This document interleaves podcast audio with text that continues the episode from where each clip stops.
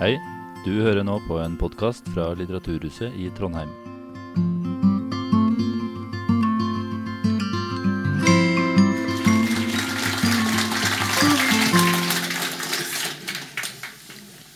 Ja, du er en populær kar. Det er, Eller det du. er fullt. Ja, en, en av oss. En av oss. En av oss. Eh, men jeg solgte ikke 50 000 av min forrige bok i Norge. Det. Så det er mulig at det er du. Eh, Kokebjørn eh, den har altså solgt 50 000 bare i Norge. Og populærmusikk i Vitula har vel sikkert kanskje solgt det dobbelte. Eh, det er ikke de bøkene vi først og fremst skal snakke om i dag. I dag skal vi snakke om en helt ny bok på norsk som heter 'Stein i silke'. Den eh, er det kanskje ikke så mange som har lest. Er det noen som har lest den? Der, ja. Det var en svensktalende person. Ja, for den har vært ute i Sverige i, i et halvår. Ja. sånt. Eh, Men den er blitt eh, godt mottatt, spesielt her i byen. I min avis, Adresseavisa, så fikk jeg en sekser på terninga i, i dag. Så det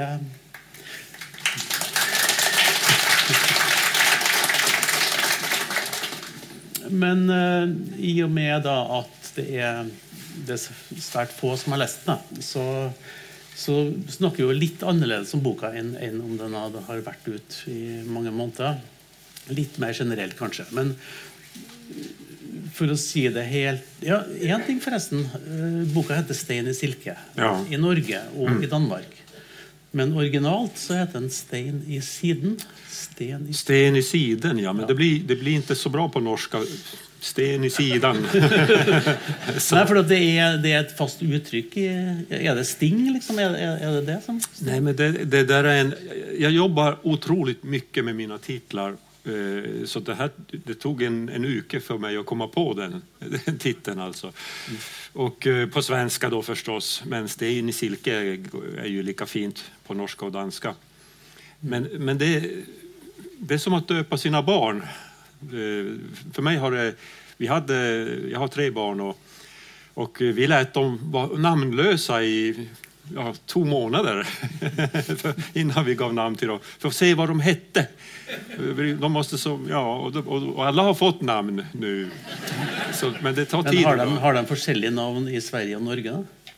Nej, men då, eh, det, det är lite speciellt för min, eh, min kone kommer från Holland. Eh, Och det betyder att man kan inte Eh, eh, döpa dem med vissa bokstäver. Om man till exempel eh, döper sonen till Greger då uttalas det på holländska Greger. så, så man får undvika vissa, vissa så att det ska vara lätt uttalat. De heter Toivo och Kåre. Kåre är så vackert, det är ju ett norskt och isländskt namn också. Och Tanja heter de, mina barn. Mm. Ehm, du ska, vi, ska, vi ska till til Pajala. Du, vi skal alltid til Pajala eh, i dine bøker. Eh, du har vært, vært der i din oppvekst. altså Populærmusikk i Vitula handla om 60-tallet, 1960-tallet. Eh, Kokebjørn handla om midt på 1800-tallet. Eh, nå skal vi til 1920-tallet først og fremst. nu 30 2030-tallet. Ja. altså Hovedhandlinga Ja. er, er derifra. Eh, og Det er jo en bok om en, eh, en tidsperiode. Eh, det er en bok om et område. Men så er det også en bok om en familie. Det er en familiehistorie. En, historie, en familie vi følger i nesten 100 år. På godt og ikke minst vondt. Det er ikke en sånn veldig optimistisk bok. det her. Det er en... eh, Jag har funderat mycket. Alltså jag, jag börjar tänka på mig själv som en gammal författare nu. Jag har fyllt 64. Och eh, det är ganska intressant att åldras eh, eh, som författare tycker jag. För då har jag ju debuterat i 20-årsåldern, ung poet. Och så har jag mognat och, och, och, och språk och ämnen och sånt förändras med åldern och, och ens inställning. Det, det, det, det är väldigt fascinerande och jag tror att jag har det gemensamt med ganska många författare. När man är ung skriver man om jag, om mig, mina kärleksproblem, mina problem att orientera mig i livet. Det är inga att skratta åt. när man är 20 år, det är allvarliga saker. Men så småningom så hittar man ju en kone eller en make eller, och får barn och, och det där har fix ordnat sig någorlunda. Va? Och så kan man skriva om sin skilsmässa också. Jag har, jag har, jag har inte kommit dit än, som, som tur är. Men sen när man blir 60 då händer det saker i livet. Och för mig har det skett att eh, min mor har gått bort, min far har gått bort. Min bror också som var eh, ett år yngre än mig har också dött. Eh, och, och, då kommer de här frågorna, vilka är vi? Inte vem är jag, utan vilka är vi? Och jag tycker det är en vacker utveckling eh, som har med, någonstans med ens syn på livet att göra. Alltså individen är inte lika viktig längre, mitt, mitt jag, min individ, utan det är, det är någonstans hur blev vi till? Och då blir det som att man får en större familj. Det är inte bara kärnfamiljen det längre gäller, utan den här nu är jag så pass... Alltså, det handlar om släkten och det handlar om, jag ska vara, säga något stort, om mitt folk. Hur, hur, hur blev vi? Hur blev mitt folk? Och jag är en del av detta. Eh, det börjar med, boken börjar med att en, en man sitter och kör en grävmaskin på en myr och han har sådana tankar, det är liksom en liten förvarning om hur det, hur det kommer att utveckla sig. Där han tänker på sina förfäder och för, förförfäder. Och så tänker han i lika mån på barnen och barnbarnen, de som är ofödda. Alltså vi har en lång kedja av liv och de flesta finns inte. Men just nu finns jag här och kan berätta bakåt och framåt. Och, och, det är väl det som är författarens roll, att man, eh, man är någonstans den som kan berätta. De andra är tysta fortfarande. Och jag tycker det är vackert. Det är vackert uh, eh, att finnas då. Och då bestämde jag mig att jag ska skriva den här boken uh, om min släkt och mitt folk och hoppas att jag har gjort dem rättvisa. Eh, och det har jag, för i Pajala har de sålt den. de går och köper boken. Och det gör man inte i Pajala. Man, man är mycket, ger inte beröm, och, utan, men jag har fått god kritik i Pajala. Och det, det är riktigt. Det är, ja. Eh, boka starter dramatisk med två bröder. Ja. Eh, som många har sammenlignet med Kain och Abel. Var det bevisst? Absolut. Eh, eh, det är intressant att du nämner den här bibliska parallellen. Jag, har, jag utgår mycket från bibliskt berättande, mer än ni tror. ja, ni, ni, som är äldre, ni har ju, har ju... Men jag är så pass gammal så vi hade ju kristendomskunskap när jag gick i småskolan. Och eh, oavsett om man är troende eller inte så finns det med som en, det, det, är en slags metafor där. Och Kain och Abel tyckte jag var fascinerande när jag var barn. Eh, när jag skrev Fallvatten, en av mina förra böcker, då hade jag faktiskt Noas översvämningen och Noaks ark som en liten parallell i, i bakhuvudet. Det är ingen, ingen kritiker har sett det, men det, det var faktiskt så. Och, eh, och i Kokabjörn var det ju också mycket, många bibliska paralleller förstås. Eh, där var det egentligen den historien om den barmhärtige samariten som återkommer på två ställen. Först är det Lestadius, prosten som hittar den unge gutten och sen hittar han den äldre gutten som är sönderslagen vid sidan. Det är alltså två, två gånger det kommer igen. Och här är det mycket Kain och Abel. Eh, en stark motsättning. Och då är det som jag sa först, det handlar inte bara om två individer utan det handlar om två ideologier så småningom. Då. Eh, en person, ena broder får ärva gården, får det gott materiellt som en småjordbrukare. Den andra sonen får i princip ingenting, skickas ut på vägarna. Måste försörja sig som kroppsarbetare, grovarbetare. Och det där är ju, rent, det är ju bokstavligt från min släkt och mina förfäders erfarenheter.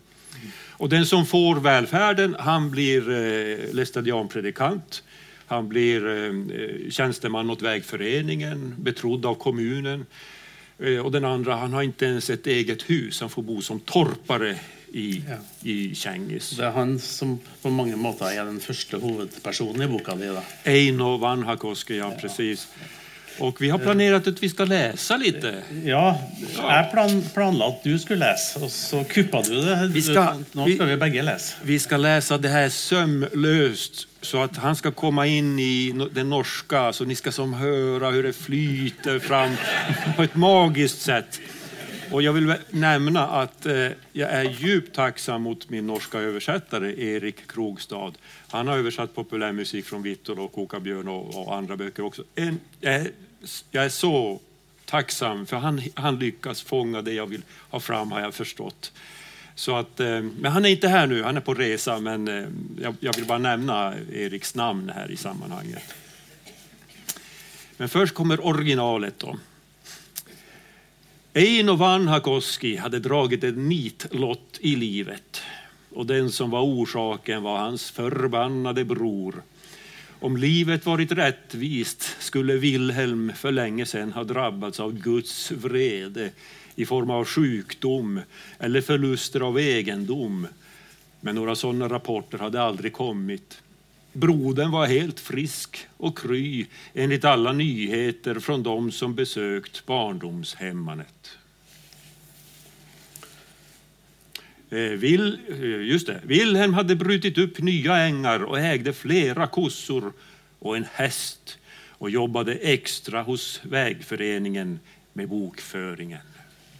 Sist bröderna möttes var i morens begravelse. Men inte en gång i sorgens stund hade Eino rakt ut handen. Det falske svinet av en bror hadde kjøpt seg en ny svart dress, og velfødd og drøy om livet hadde han blitt. Helst hadde Eino villet banke opp broren, men Wilhelm var feig og holdt sønnene tett rundt seg som brede, snauklipte underbefal. Ja. Eh, Jeg vil legge til at eh, Mikael selv leser inn lydbøk, sine lydbøker på svensk. Men Ja. jeg leser dem ikke på norsk. Eh, vi- har, jag har faktiskt, jag läser in dem i, eh, i Pajala, inte ungdomsboken jag har skrivit, men de här för vuxenböckerna, på svenska då, för, om det är någon som är intresserad. Och vid det här tillfället så hade vi eh, min tekniker Hasse Oja heter han. Han lagade en studio i sitt hem.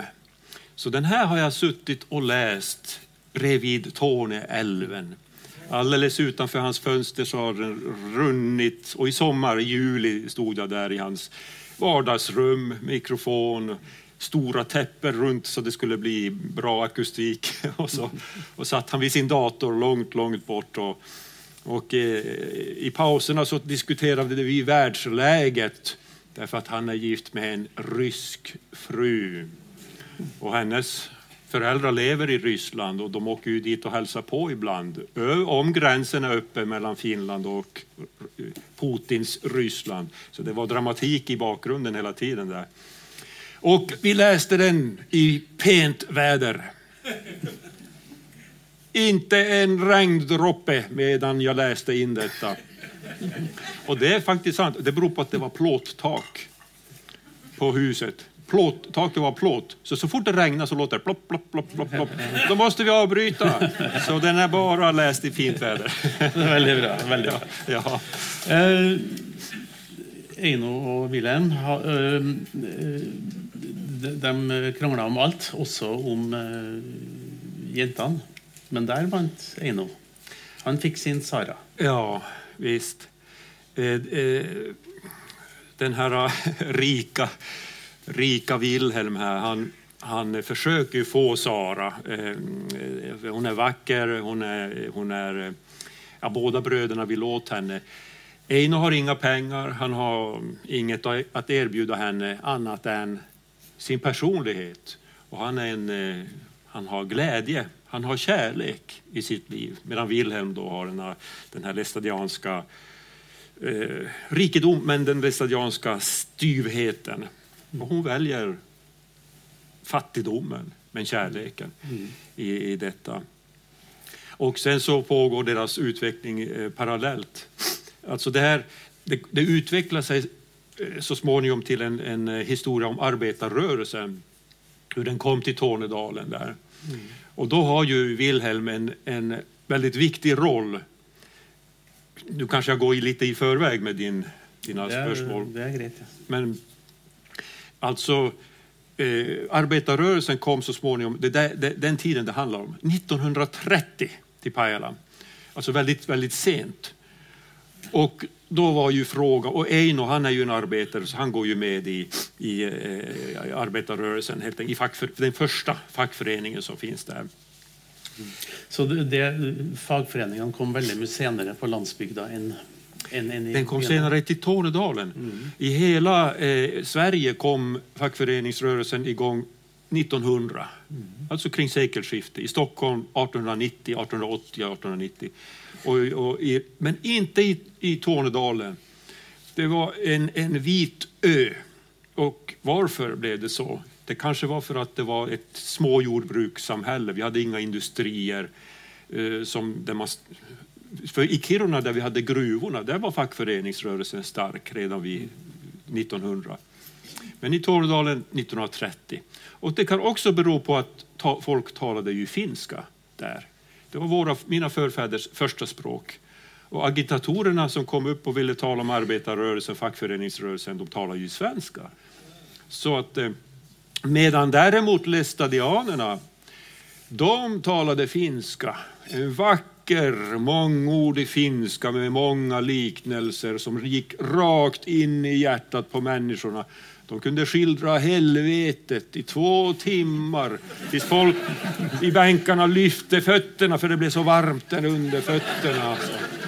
Så den ideologin slog ju rot och då blir det Wilhelms ideologi mot denna nya ideologi som plötsligt kommer fram. Och då är frågan, det tycker jag är så intressant i boken då, hur ställer sig lestadianerna och de kristna till arbetarrörelsen? Man kan ju fundera på det. Och man kan tänka så här att den som startade kristendomen eller eh, förde ut den på jorden, det var en man som hette Jesus. Han var snickare. Han var son till en timmerman, det står i Bibeln. Hade han levt idag hade han varit med i Träindustriarbetarförbundet. Och så kan man tänka på laestadianismens eh, eh, väckelse startade. Lars Levi Lestadius. Vem var det? Han var en man av folket. Han eh, var en av de första som drog igång fattighjälp för att hjälpa de fattiga familjerna. Han drog igång utbildning av enkla barn som, till, till fattiga torpare för att de skulle få lära sig att läsa och skriva. Han stod på de fattiga sida. Så om Lars Levi hade levt 1930, jag undrar om inte det hade kunnat bli kanske en annan utveckling, att de hade ställt sig på samma sida, arbetarna och den väckelserörelsen. Det är inte alls omöjligt, jag brukar tänka på det. Men det blev tvärtom. Ja. Så att eh, predikanterna, de tog av någon anledning ställning direkt mot arbetarna. Och de sa att du som går med i fackföreningen, du har en enkel biljett till helvetet. Och har du fackmöten i dina hem så kan vi aldrig någonsin ha ett bönemöte för ditt hem är förorenat. Det var så starka motsättningar. Jag tänkte lite på det medan jag läste att uh, Pajala är ju nästan Finland och Finland är ju, har ju en enorm gräns till Ryssland. Att, att kommunismen måtte føles extremt mycket mer truende. För det var inte bara strejk, det var kommunisterna som strejkade. Eh, At, att, det er kanskje lite lättare att förstå den redselen. rädslan. Men eh, ja, det här är en komplicerad, en stor fråga, ett stort spörsmål. Men jag tror att det handlar, med, eh, handlar om eh, de speciella förhållandena i Tornedalen. Eh, jag var, har varit uppe i Tromsö och eh, pratat, när jag pratade om, med, om Kokabjörnboken där så träffade, jag tog upp den här frågan då om arbetarrörelsen och deras syn på det och då, då sa de att ja, men det här gäller inte i Norge, inte i Nordnorge. Nu citerar jag bara dem, jag vet inte om ni har en annan eh, erfarenhet, men de sa att ja, men i Nordnorge så är lestadianerna ofta socialdemokrater.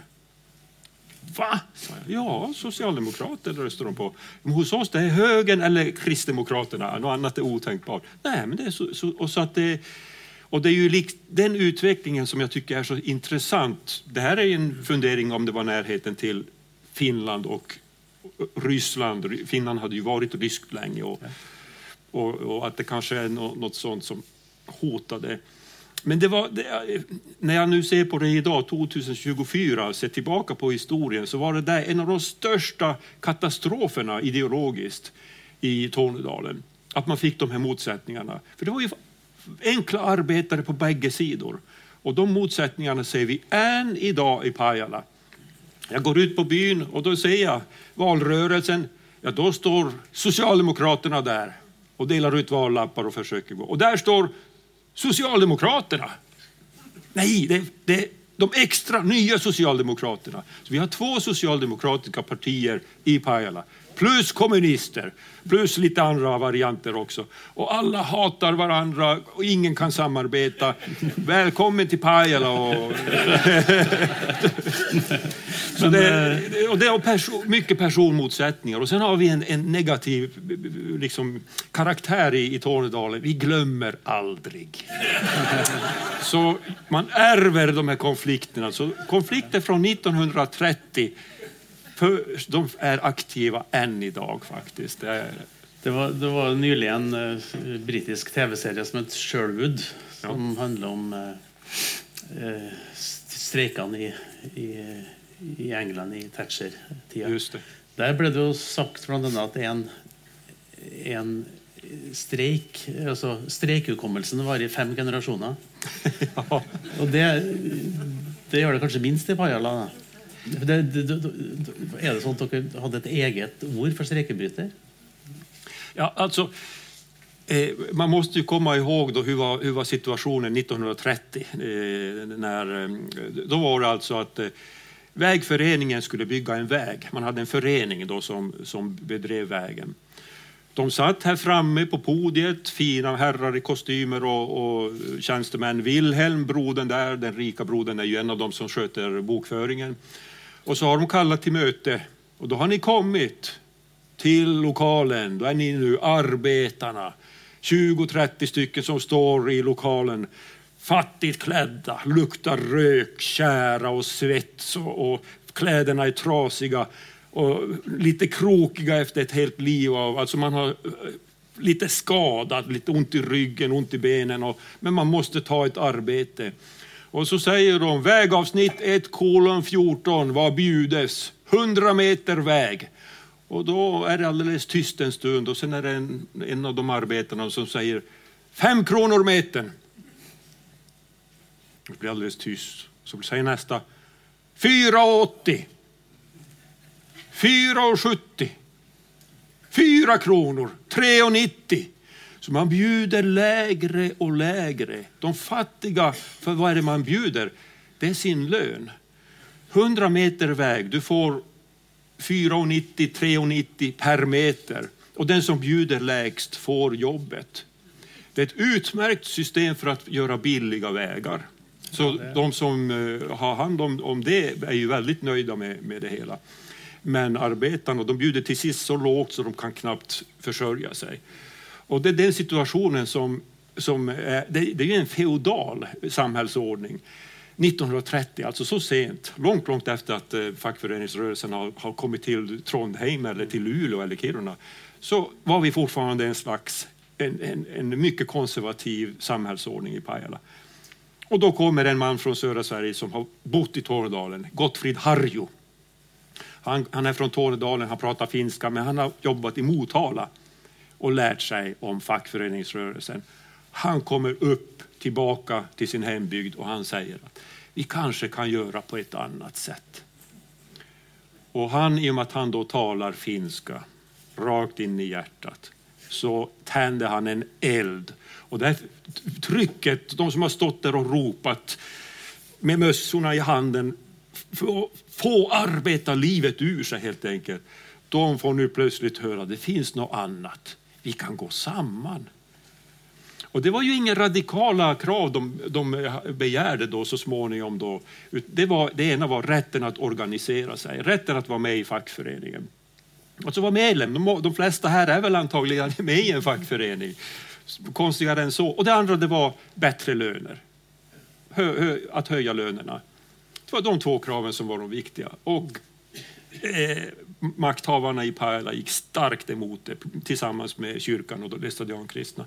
Och där hade vi alltså en eld som tändes. Ja. I, i, det var en periode med sterke arbeidskonflikter i, i Norge. Du kjenner jo veldig godt Menstadslaget. Og ja. Sverige hadde Ådalen i 1931, som, som veldig mange her òg kjenner. Ja. Eh, och storstrejken men, innan och vi hade ja. många arbetskonflikter ja. också även på andra håll. Men, men eh, bara för att, ha, för, för att undersöka det, alltså konflikten i Pajala är också reell. Den är också historisk. Det här bygger på fakta i min bok. Jag har eh, forskat väldigt mycket om eh, bakgrunden. Så att jag har gjort en fiktiv släkt. Men själva eh, de historiska händelserna, de, är, de stämmer. Mm. Så Gottfrid Harry har funnits på riktigt och andra personer som är med i min bok har funnits på riktigt. Eh, sen har jag gjort den här Vanagolski-släkten, den har jag gjort fiktiv. Den bygger lite grann på eh, sanna händelser. Men vad, alltså det, det som hände då, eh, Tornedalingarna fick då höra plötsligt vi kan göra det på ett annat sätt. Och då bildade de den första fackföreningen i Pajala, Skogs och flottningsarbetarförbundet. Flottning, det är de som gör, drar timret i älvarna, kallas för flottare på svenska. Och eh, Arbetarna ansluter sig genast och den är socialdemokratiskt styrd eftersom Gottfrid Harjo blir den socialdemokratiska ordföranden. Eh, och då kommer arbetarna till honom omedelbart och så säger de att vi har ropat hem ett, ett vägarbete, vi, vi kan inte leva på våra löner, vi måste ha bättre löner. Jaha, säger Gottfrid Harjo, Eh, eh, ni, har, ni har gjort avtal med vägföreningen? Ja, vi har gjort avtal. Ja, men ni har skrivit under med era namn? Ja, det har vi gjort. Ja, men då, då, då kan vi ju inte förändra någonting. Ni får ju vänta till nästa gång det blir auktion, men nu har ni, ni har ju själva skrivit under.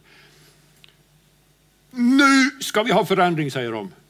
Nej, men det, vi måste... Ja. Till sist tar han upp en från södra Sverige, Adolf eh, eh, eh, eh nu tappar jag bort efternamnet, som kommer från fackförenings och han, rörelsen i Sverige, i södra Sverige och säger samma sak. Ja, vi ska ju förhandla med Vägstyrelsen och begära högre löner och, och så där. Men, eh, men ni har ju redan skrivit under era låga avtal. Ni måste avvakta. Och då säger de, vi har avvaktat sedan tidernas begynnelse. Bibliskt. Och eh, vad händer då? De går ur fackföreningen i Pajala, fackavdelningen, och så bildar de en egen. En i Kängis, en i Jarhois, en i Kangosfors, i Areavara. Överallt ploppar upp nya fackföreningar. Och Pajala-avdelningen då som är socialdemokratisk, det krymper ihop till en liten, liten rännil mot den har varit då. Och de, alla de nya, de blir kommunistiska de, det är ingen tvekan där. Och de säger vi kräver, nu ska vi ändra samhället på en gång. Och där hade vi alltså även den intressanta motsättningen mellan socialdemokrater och kommunister. Och kommunisterna dessutom i flera olika små partier. Alla är mot varandra. Och det där har, be, har liksom begynnelsen, inte ens arbetarrörelsen kunde hålla samman där i, i den. Och det där, det, det är fem generationer sa det stämmer. det har vi, vi ser resultatet av det än idag. Ja, och för, för det, här, det här är ju, alltså, eh, skiljelinjen går inte bara mellan bönder och små torpare, den går också inne i familjen. Och, Eino, som är en, en stor streikeleder, eh, har lyst til å ha sønnen sin ved sin sida, men det får han inte. Nej. Eh, han dras in i den här, de här motsättningarna och han ställs ju mot sin eh, lästadianska bror förstås. Då. Eh, eh en av de strejkledarna som finns med i min roman han heter Arne Ylipää eh, och han är den som startar eh, Kängis avdelningen. Han, som går, han går ur och han blir strejk, en av de stora strejkledarna då, tillsammans med Elis Airijoki och andra. De är, fick, fick riktiga namn då. Och eh, jag fråg, han, eh, Arne Ylipää, han skrev en bok om den här tiden när han var 75-80 år gammal. En självbiografi. Han kallar den De, de mörka åren. Det handlar om strejkrörelsen på 30-talet.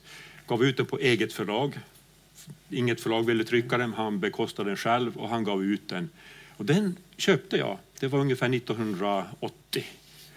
Och han levde fortfarande och jag kommer så väl ihåg då, då gick jag till hans eh, hus på andra sidan Kängis vid Torneälven och gick in och där satt han då så signerade han med sin gamla darriga handstil sitt namn i boken. Och jag pratade med hans fru Helena och honom själv då om hans liv och han sa allt står i boken. Allt står där. Men jag visste ju om lite av hans liv. Alltså han var fackföreningsledare och efter att eh, ja, den här konflikten, vi behöver inte gå in på detaljer hur det gick, det får ni läsa.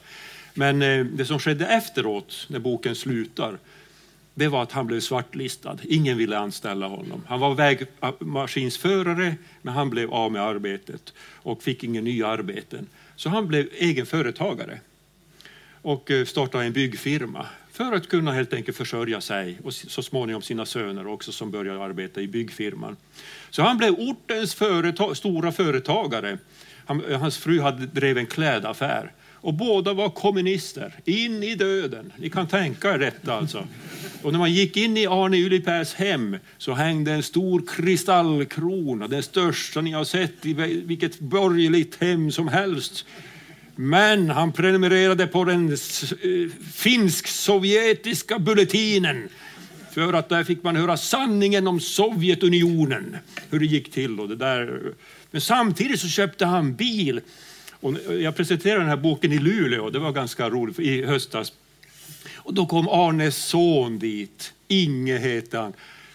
84 år gammal. Han hade cyklat från Örnäset flera kilometer i snön och isen och han, kom, han, han var fullt frisk och stark och så. Han, och han berättade, jo min pappa, jo, han var kommunist. Jo.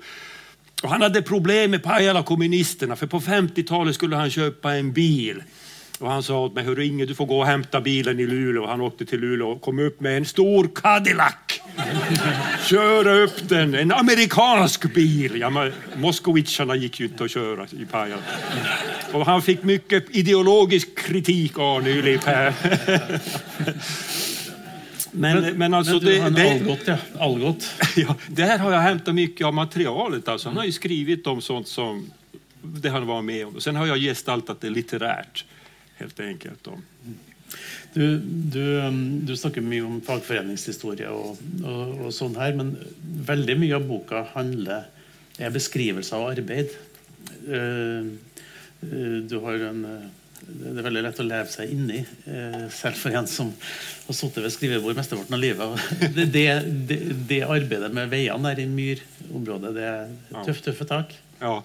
Og det må ha vært en sterk, det er en sterk ambisjon for deg å skildre Ja, jag, jag, har, eh, alltså jag kommer från Pajala längst upp i Norrbotten. Jag är ingen bymänniska. Alltså jag, jag, är, jag är mycket i naturen och, och, jag går på jakt och jag fiskar och åker langrenn. Och, och, alltså jag är mycket utomhus. Naturen är för mig så stark. Och så är jag 64 år. Och det betyder att när jag var barn, 1968, när jag var åtta år, då var jag med om den sista höbärgningen i Pajala när man alltså eh, tog hö till korna. För mina kusiner hade kolantbruk, de hade åtta, sju, åtta kossor och levererade mjölk till eh, mejeriet. Så att jag var med, jag kommer så väl ihåg det där och fick jobba med min kropp eh, och kratta höet, alltså, som sen lades upp på höhärsor för att torka. Och det var sista året, för året efteråt så stängdes mejeriet. Och staten gav pengar till bönderna för att lägga ner allting. Det var inte som i Norge, här har ni behållit mycket av småjordbruket. Men i Sverige gjorde man, det skulle vara industriellt effektivt. Och då kom den stora arbetsledigheten. Och några år senare la man ner flottningen som var stor arbetsgivare också. Och sen kom skogsarbetets mekanisering. Så vi hade hela min uppväxt stor arbetsledighet alltså. Männen hade inget att göra. Eh, stämplade helt enkelt, gick till Arbetsförmedlingen. Men jag har alltså fått vara med och kroppsarbetat. Inte mycket, men jag har fått göra... Min far har visat hur man barkar timmer, det finns sån scen här i boken. Och jag har fått valkar i händerna av kroppsarbete. Och jag har tänkt så här, jo, men jag är nog den sista. Jag är nog det. För jag börjar tänka på mina barn och nästa generation. Ni som här som är äldre, ni har varit med om det. Men de, är, de yngre, Ja, de får valka när de åker langrenn. det är liksom kompensationen av kroppsarbete. Så, och, och, och, och det där, jag tror att jag skiljer mig från bymänniskor, alltså storbymänniskor från Stockholm eller något, något annat. Alltså, eh, om man också tänker på mina romaner så de är ofta utomhus, skildras ofta utomhus. Medan eh, byförfattare är ofta inomhus och talar. Och jag, och jag vill vara utomhus och det ska ske saker fysiskt. Det är liksom mitt temperament här alltså. Nå har vi snakka veldig mye om menn. Eh, For meg, for meg er boka også en sånn feministisk eh, arbeiderhistorie. Absolut. Eh, Det er ting som gjør veldig inntrykk, ikke minst ting som ikke ante noe om. Eh, Marte, som er en av barna, som eh, blir gravid som tenåring og blir tvangssterilisert pga. at Mm. hun hadde vært usømmelig. Var det vanlig? Ja visst, eh, och det var, det var den svenska socialdemokratin i välfärdsstaten som drev igenom eh, ganska förfärliga saker. För, det var med god baktanke, men resultatet blev inte alltid gott. Eh, jag sa just eh, tidigare att det här handlar om min släkt. Och eh, Marta är ju, är ju inspirerad, och Algot är ju inspirerade av min släkt. Det är inte helt bio, biografiskt alltså, men det, det var så att när jag var tio år så dog min farfar, min bäste far. Och eh, han bodde i ett hus mitt i skogen. Det fanns eh, en väg bredvid, men alltså inga andra hus bredvid. Och det stod tomt sen i, efter hans död. Man hade auktion, tömde alla möbler och, och sånt. Djuren, han hade lite djur och så. Men sen stod den tom. Och jag, hade, jag brukade åka dit, som, cyk, cyklade dit ensam som barn. Och dörren var öppen. Och då brukade jag gå in där. Och det var någon sån där födelse att här har jag mina rötter. På något barns, barns sätt att känna att här har de levt. Och där hade min far vuxit upp med tio syskon. Det var tio barns familj då. Under svåra, eh, hårda omständigheter. Till exempel så två av min fars systrar de blev sjuka i scharlakansfeber när de var döttrar, var små. Och de blev döva. De fick ingen penicillinbehandling. Det fanns penicillin då på den tiden, men de fick inte det. De tappade hörseln och fick gå i dövskola i, i Härnösand i Mellansverige. Så redan som småflickor alltså, lämna hemmet, gå på en dövskola. Eh, det, var så hårt.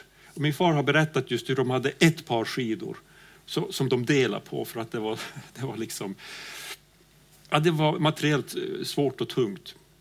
Men då gick jag upp på vinden, kallvinden, och så hittade jag där en massa papper.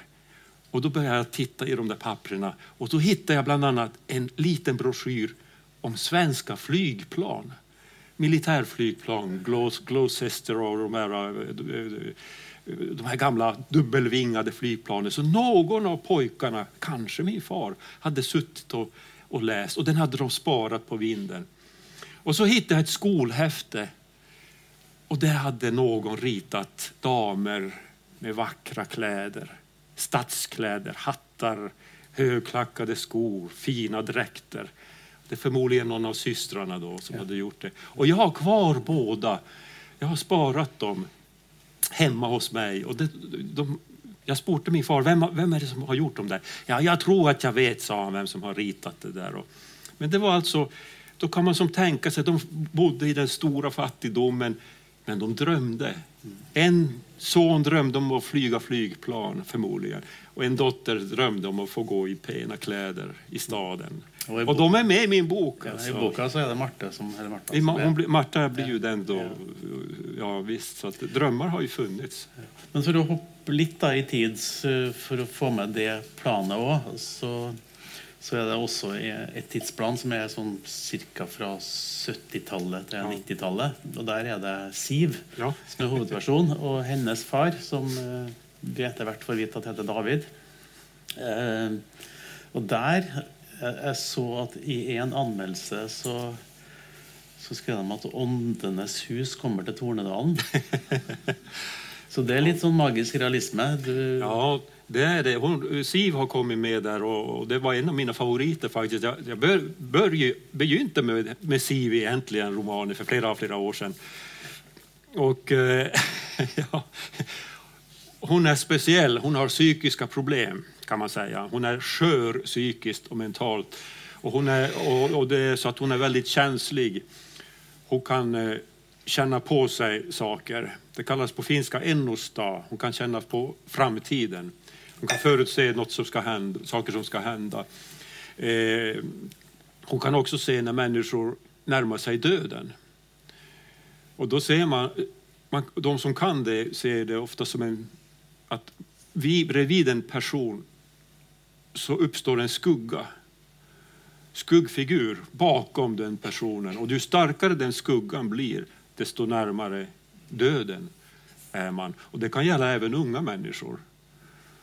Och båda dessa har jag, känner jag personer som säger sig ha den här förmågan. Jag har träffat dem. Eh, och eh, det där ingår ju i vår kultur, liksom där folkberättelse. Men det är också att man tar det på allvar. Alltså. Så jag ville ha med sånt och ha med det på allvar. Och det, det, var, det, var, det var fint. Det ger en fin kontrastverkan mot det här socialrealistiska eller liksom kampen om mat och, och lön. Och så har någonting kampen om själen också på något sätt.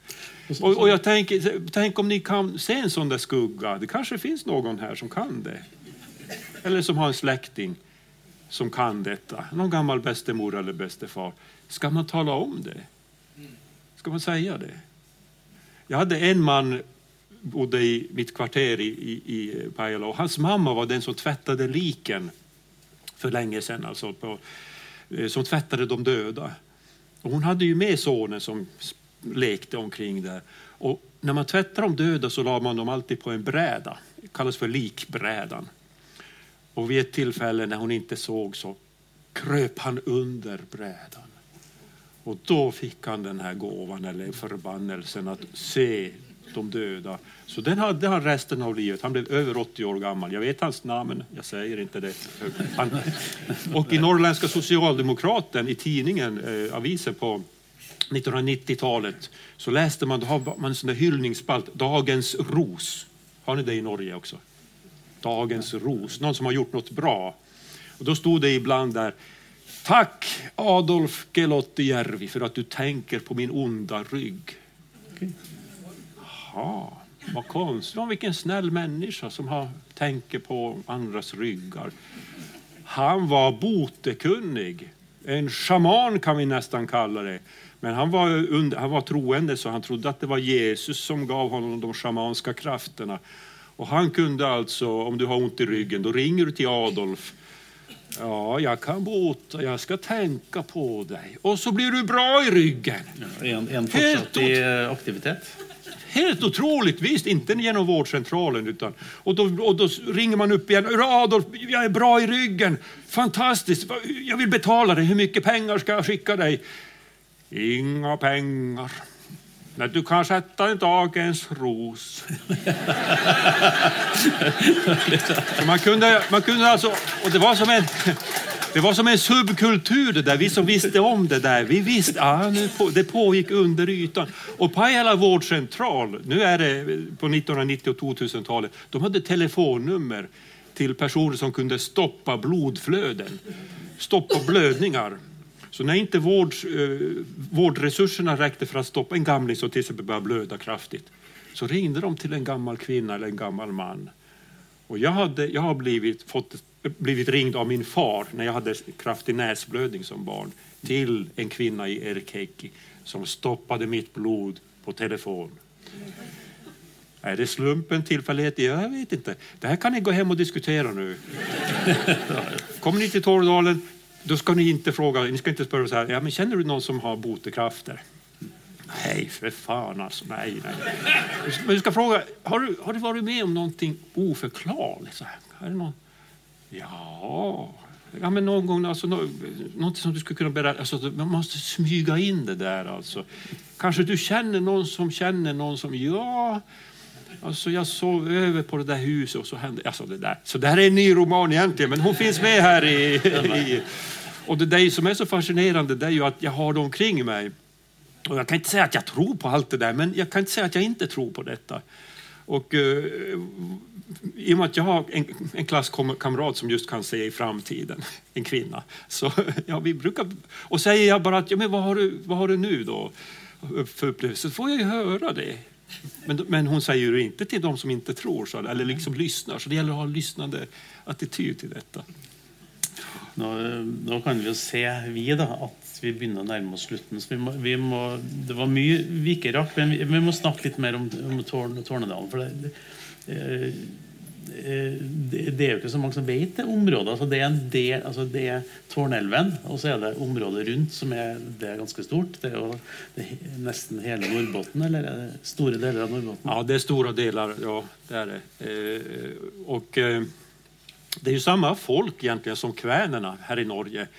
Eh, det, kvänerna uppstod ju genom att torrdalingarna, vi hade det så svårt och fattigt. Och några åkte till Amerika, men några åkte till Norge. Eh, så att jag har släktingar i, i eh, Nordnorge till exempel, från Pajala. Och det var ju för att överleva, men för där kunde man få leva på fisken. Och jag har ju läst den Ingeborg Ar- Arvolas fina roman om detta. Det är precis den utvecklingen som, som jag så väl känner igen.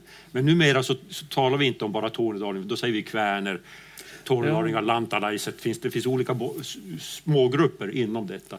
Men det, men det är att vi har den finska kulturen. Det det, och det finska tänkandet som är annorlunda än det svenska. Men det, vi, vi, vi tycker om svenskar, men eh, de har svårt att förstå oss ibland. Vi är tysta. Vi tycker om skogen. Sådär. Ja, nei, for at Vi har sett forskjellige definisjoner, og i noen definisjoner så er deler av Norge med, også med Kautokeino f.eks. Det er også med i på- Nej, Kautokeino är samiskt. Det tycker jag inte är tornedalskt. Det är Nej. samiskt. Jag har ju även samisk eh, ursprung och, och tillhörighet, så jag tillhör alla, jag är del av, del av alla tre kulturer. Svenskt och, och, och finskt och samiskt. Och, och då brukar folk fråga, hur många procent är du? Ja, jag är 100 procent svensk, brukar jag svara. Och 100 procent finsk och 100 procent samisk. Man kan inte dela upp sig, utan man har det hela och omfattas av det hela. Och jag är glad över detta. Det är ju en tillgång att ha, ha, ha tillgång till många kulturer. Och kulturer går in i varandra. Eh, eh, det, ju, det var ju en fantastisk upplevelse att uppleva att Kokabjörn slog an i Norge. Det, jag är så lycklig över det. Mycket mer än i Finland faktiskt. Ja, var det Erik Krogstads förtjänst, översättare där? Det var det. Men vi har någon, någon slags något, någon subkultur som är, är fälles alltså med, med Nordnorge och Nordsverige. Och, och jag känner alltid när jag kommer hit att det, ja, men det är någonting. Och, och, och, så blir jag lite avundsjuk på, Nor- på, på er i Norge för att eh, ni har bä- bättre självförelse. Nu smickrar jag er lite grann. Men, jo, men alltså alla de här små städerna i, längs norska kuster överallt. Vi har ju knappt det. I, i, utan vi, men det finns kvar här. Och det starka kulturlivet i de små städerna. Det är ju, det är ju helt... Det kan jag vara avundsjuk på i, i Så har vi bedre skiløpere. På herrsidan, ja. På herrsidan, men eh, det där kan vi snacka länge om. Ja. Jeg har, jeg har dere har jo hørt hvor ivrig han er når han snakker om fagforeningshistorikk. Ja. Men da skulle dere ha snakka med han når han forteller om da han gikk Marcialonga i, for noen par måneder siden. Jag är jeg skilöpare. Jag, är skilöpare. Jag, jag, jag, jag har åkt, eh, jag ska åka, jag åkte Marcialonga nu. Och det är som att vara i Norge. Där är det så många norska och svenska skilöpare. Och så är det en och annan italienare som var det. Och, och så var det en från Tjeckoslovakien. Men han dog. Han, han, en 70-årig från Tjeckoslovakien, han, han fick hjärtattack då. Men vi norska och svenska, så man, när man åker förbi, jag försökte säga excusa, excusa, när jag skulle åka förbi någon, men det var, det var bättre att säga urspår, ursäkta, det var snacka svenska. Eller om de åkte förbi eh, mig. Fantastiskt. Och nu ska jag åka Vasaloppet för tolfte gången. Eh, Men, ja, men det är inte så mycket. Jag åker långsam, långsamt och så. Jag är, inte, jag är inte i min eh, livsform längre, utan jag åker långsamt och, och så. Men jag har med min familj och det är ju så lycklig. Mina två söner och min kone. Minns ni vad jag sa? Hon är från Holland. Hon ska åka sitt första Vasalopp alltså. Vi började i höst. Jag sa åt henne det här är en, en skidstav. Spetsiga sidan ska vara neråt. Jaha, och så, så. vi får se nu hur det går. Eh, vi hadde også planlagt å snakke en del om kokebjørn. Det, det rekker vi nok ikke. Men vi må nevne at, at snart så blir den, den altså snart blir den vist på, på strømme, strømming. Det er den første nordiske Disney Pluss-serien. Det blir en TV tv-serie på sex gånger en timme. Och det är inspelat ganska färdigt. Nu håller de på och klipper och ljudlägger det. Och det är ju ganska mycket kris inom, eh, ekonomiskt inom, eh, inom filmbranschen så det var ren tur att det var Disney för de har pengar. och, eh, och det, ja, ja, det kommer om någon timme, men det blir på Disney-kanalen, Disney Channel som de ska, så att då har ni möjlighet att se den här i Norge. Och då kan ni speciellt titta på den som spelar den lille Jussi, samegutten som är prostens medhjälpare. För han kommer från Tromsö, heter Emil Karlsen, nordsame, fantastisk jojkare, gitarrist, musiker. Han har alltså fått en stjärnhuvudroll i eh, denna stora produktion med en massa kända skådespelare. Gustav Skarsgård. Ja. Alltså, de, de, skulle ju ha en som spelar prosten. Och prosten är Lars Levi Lestadius. Hur såg han ut? Han var kort. Han var stygg. Alltså medvetet. Han klippte inte håret för att han ville inte vara världslig. Han hade fattiga kläder och trasiga kläder och var stolt över det. Kort och stygg. Och så letar man vilken skådespelare ska vi kunna hitta här? Ja, vi... Gustav Skarsgård. Lång och pen.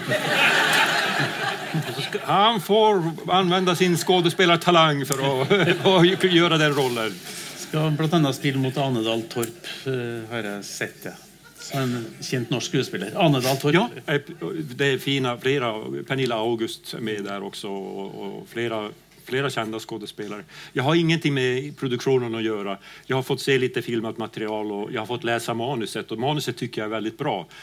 Eh, eh, men det är alltid intressant. Men det här, det, faktiskt är det så här nu och nu talar, är jag ärlig. Filmproduktion, jag har varit med om det i populärmusik från Vittula också. Filmproduktion, när den börjar, då är författaren död. Och han ska vara död också, det är det, är det bästa. Så då slut, jag, jag, får kanske komma på premiären och titta då, men det är ingen som kommer att prata med mig. Och det är ganska skönt det alltså. För att är, då är det regissören, skådespelaren och allting. Och det är en helt annan sorts eh, produktion helt enkelt. Och sen är det ju också, ja, ni vet ju, det är så mycket pengar inblandat alltså. Det är ju så jäkla mycket pengar.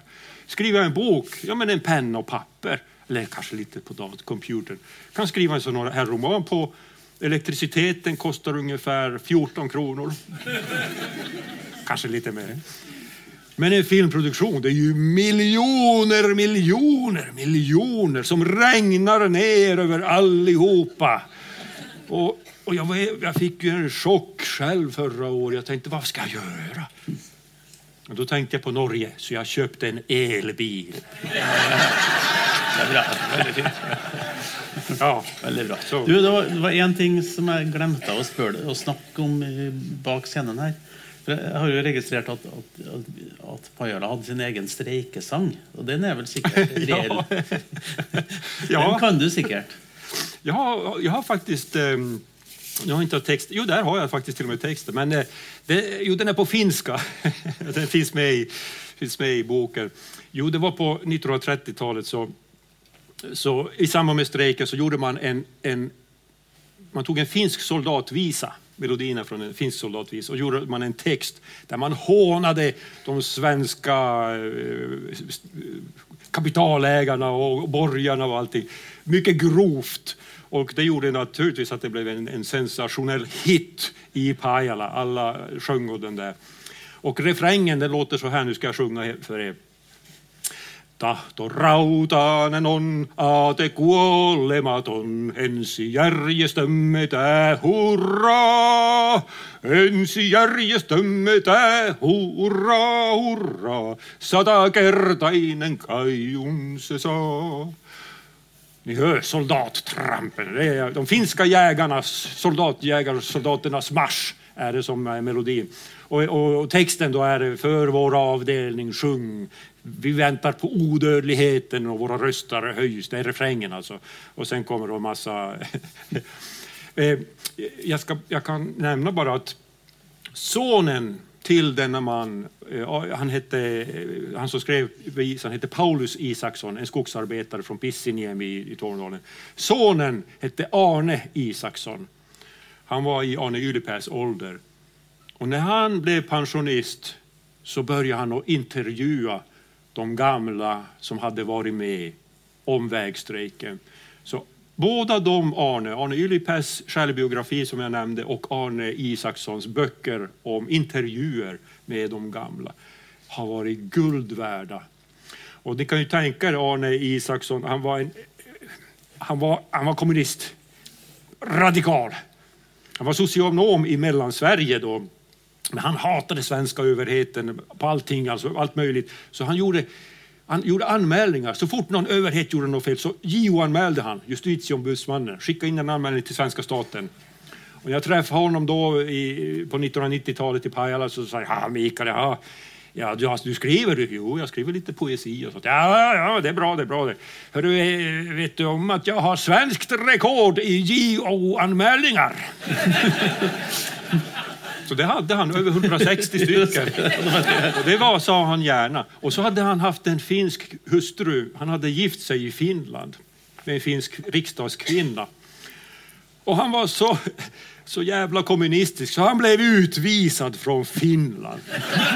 Av politiska skäl, inte av något brottsligt. Av politiska. Och tänk, jag, jag känner ingen som har blivit utvisad från Finland. Eh, så han fick bo i Sverige och bodde i Bollstabruk. Då. Och han hade inget körkort. Han åkte moped och så skrev, intervjuade han dem på finska. Ja, du var med på vägstrejken. Kvinnor och män som kunde berätta. Och skrev det ner det. En fantastisk dokumentation då. Innan de dog. Nu är de ju döda allihopa. Och där har jag då hämtat mycket material då från, direkt från deras mun. Alltså. Mm. Så jag säger bara, har ni eh, här i publiken, ni är intresserade av litteratur eftersom ni är här. Har ni en berättelse om ert liv, skriv ner det. Skriv ner det. Du behöver inte ge ut det på något stort förlag. Men skriv ner eller tala in på...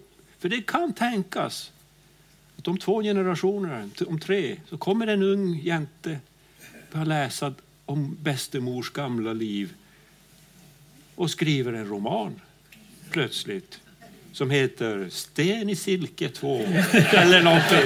Ja. Uh, skal vi, eh, vi er gått litt over tida. Eh, Og Mikael har en, et fly han skal rekke. Og han skal rekke å signere noen bøker. Men vi må også rekke hvis det er noen som ønsker å stille noen spørsmål til forfatteren. Der, ja.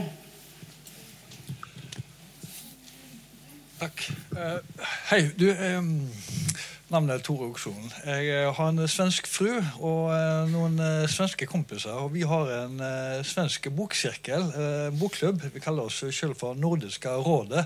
Oh. vi hadde boka di, 'Sten i siden', opp til doms nå for noen uker siden. Oh. og vi kommer jo til at du har nok skrevet et storverk. Oi, tackar. Det kommer nok til å bli en klassiker. Det var... Men jeg skal prøve meg på et smått eh, kritisk eh, spørsmål. Ja. Var det, det, var en kommentator i Aftonbladet som eh, skrev noe sånt. Han mente at om dette skulle være ordentlig arbeiderlitteratur, så passer det ikke med magisk realisme. Nei. Nå har jo du allerede sagt litt om uh, hvorfor du ville ha det med inn. Men hva tenker du om en sånn innvending? Det kommer många flera invändningar. Och, och, som författare så... Eh, eh, jag lyssnar på det med stort intresse. Jag tycker det är intressant att höra. Eh, men om jag ska ta en kort sammanfattning så... Eh, den arbetarlitteratur som jag läste när jag var i 20-årsåldern. Det var ju, skrevs ju på 70-talet och det var ju kamp. Och det var ju vänstern och det var röda fanor och internationalen och de var lite grann klichéaktiga till sist. Då. Och nu när jag ville skriva den här boken om min släkt så en av de viktiga sakerna var att in, undvika klichéerna helt enkelt. Och, eh, och då ville jag gärna ha med den där uh, övernaturliga eller liksom, liksom det här. Um, för det ingår också i vår kultur. Och jag vet kommunister som har den gåvan också. Kan, kan uh, tipsa den här Aftonbladet. Men uh, man, jag har hört så mycket om mitt skrivande genom livet så att jag, jag är van vid det mesta. Jag hade en period när jag inte läste anmälelser i Sverige eller Norge eller någon, någon, annanstans för det var för känsligt. Men nu är jag så jävla gammal så nu tål jag allt. man tål stryk nu, nu är det bara att boxa på mig. Ja, för fan. Men det var ju en god anmälelse ändå. Alltså, så att, men, eh, men det, han, han, spörsmålet var ju vad är dagens arbetarlitteratur? Och det, det väckte tankar i mig. Ja. Och eh, för mig är det mycket att tala om för de unga, ni förstår inte vad, vad som, vilken kamp som ligger bakom. Att vi sitter här, allihopa kan gå på universitet, alla kan äta sig mätta. Blir vi sjuka så får vi sjukbidrag eller kan vi, blir vi arbetslösa får vi arbetslöshetsersättning.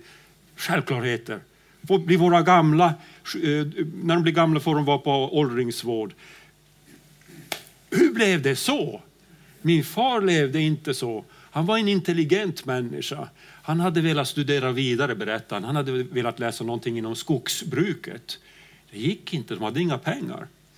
Så han, hans pappa var alltså kommunist och med i vägstrejken. Och sonen då, min far, han eh, var tvungen att ta en utbildning där som var betald. Och då valde han mellan att vara tullare, polis eller militär. Och först blev han militär och sen blev han polis. Och dessutom för säkerhets skull så blev han högerpartist. Så min far har varit aktiv inom det eh, Moderata samlingspartiet i Sverige och hans pappa, min farfar, var alltså rödaste kommunisten ni kan tänka er. Och det här är ju naturligtvis något sånt som jag har med mig i bakhuvudet. Och jag har lärt mig en sak av min uppväxt. Jag kommer aldrig någonsin att gå in i kommunalpolitiken. Det har jag bestämt för. Det får andra sköta helt enkelt du bara checka om det är någon fler som... Nu kanske vi måste gå och skriva böcker. Ja, skriva om det är någon som vill ha en signatur så, så kanske vi måste börja avsluta här. För taxin ja. väntar snart här. Eller vad Den tror du? Ja, då, det tror jag. Ska bara checka, det ser inte sån ut. Så då säger vi bara. Tack. tack. tack.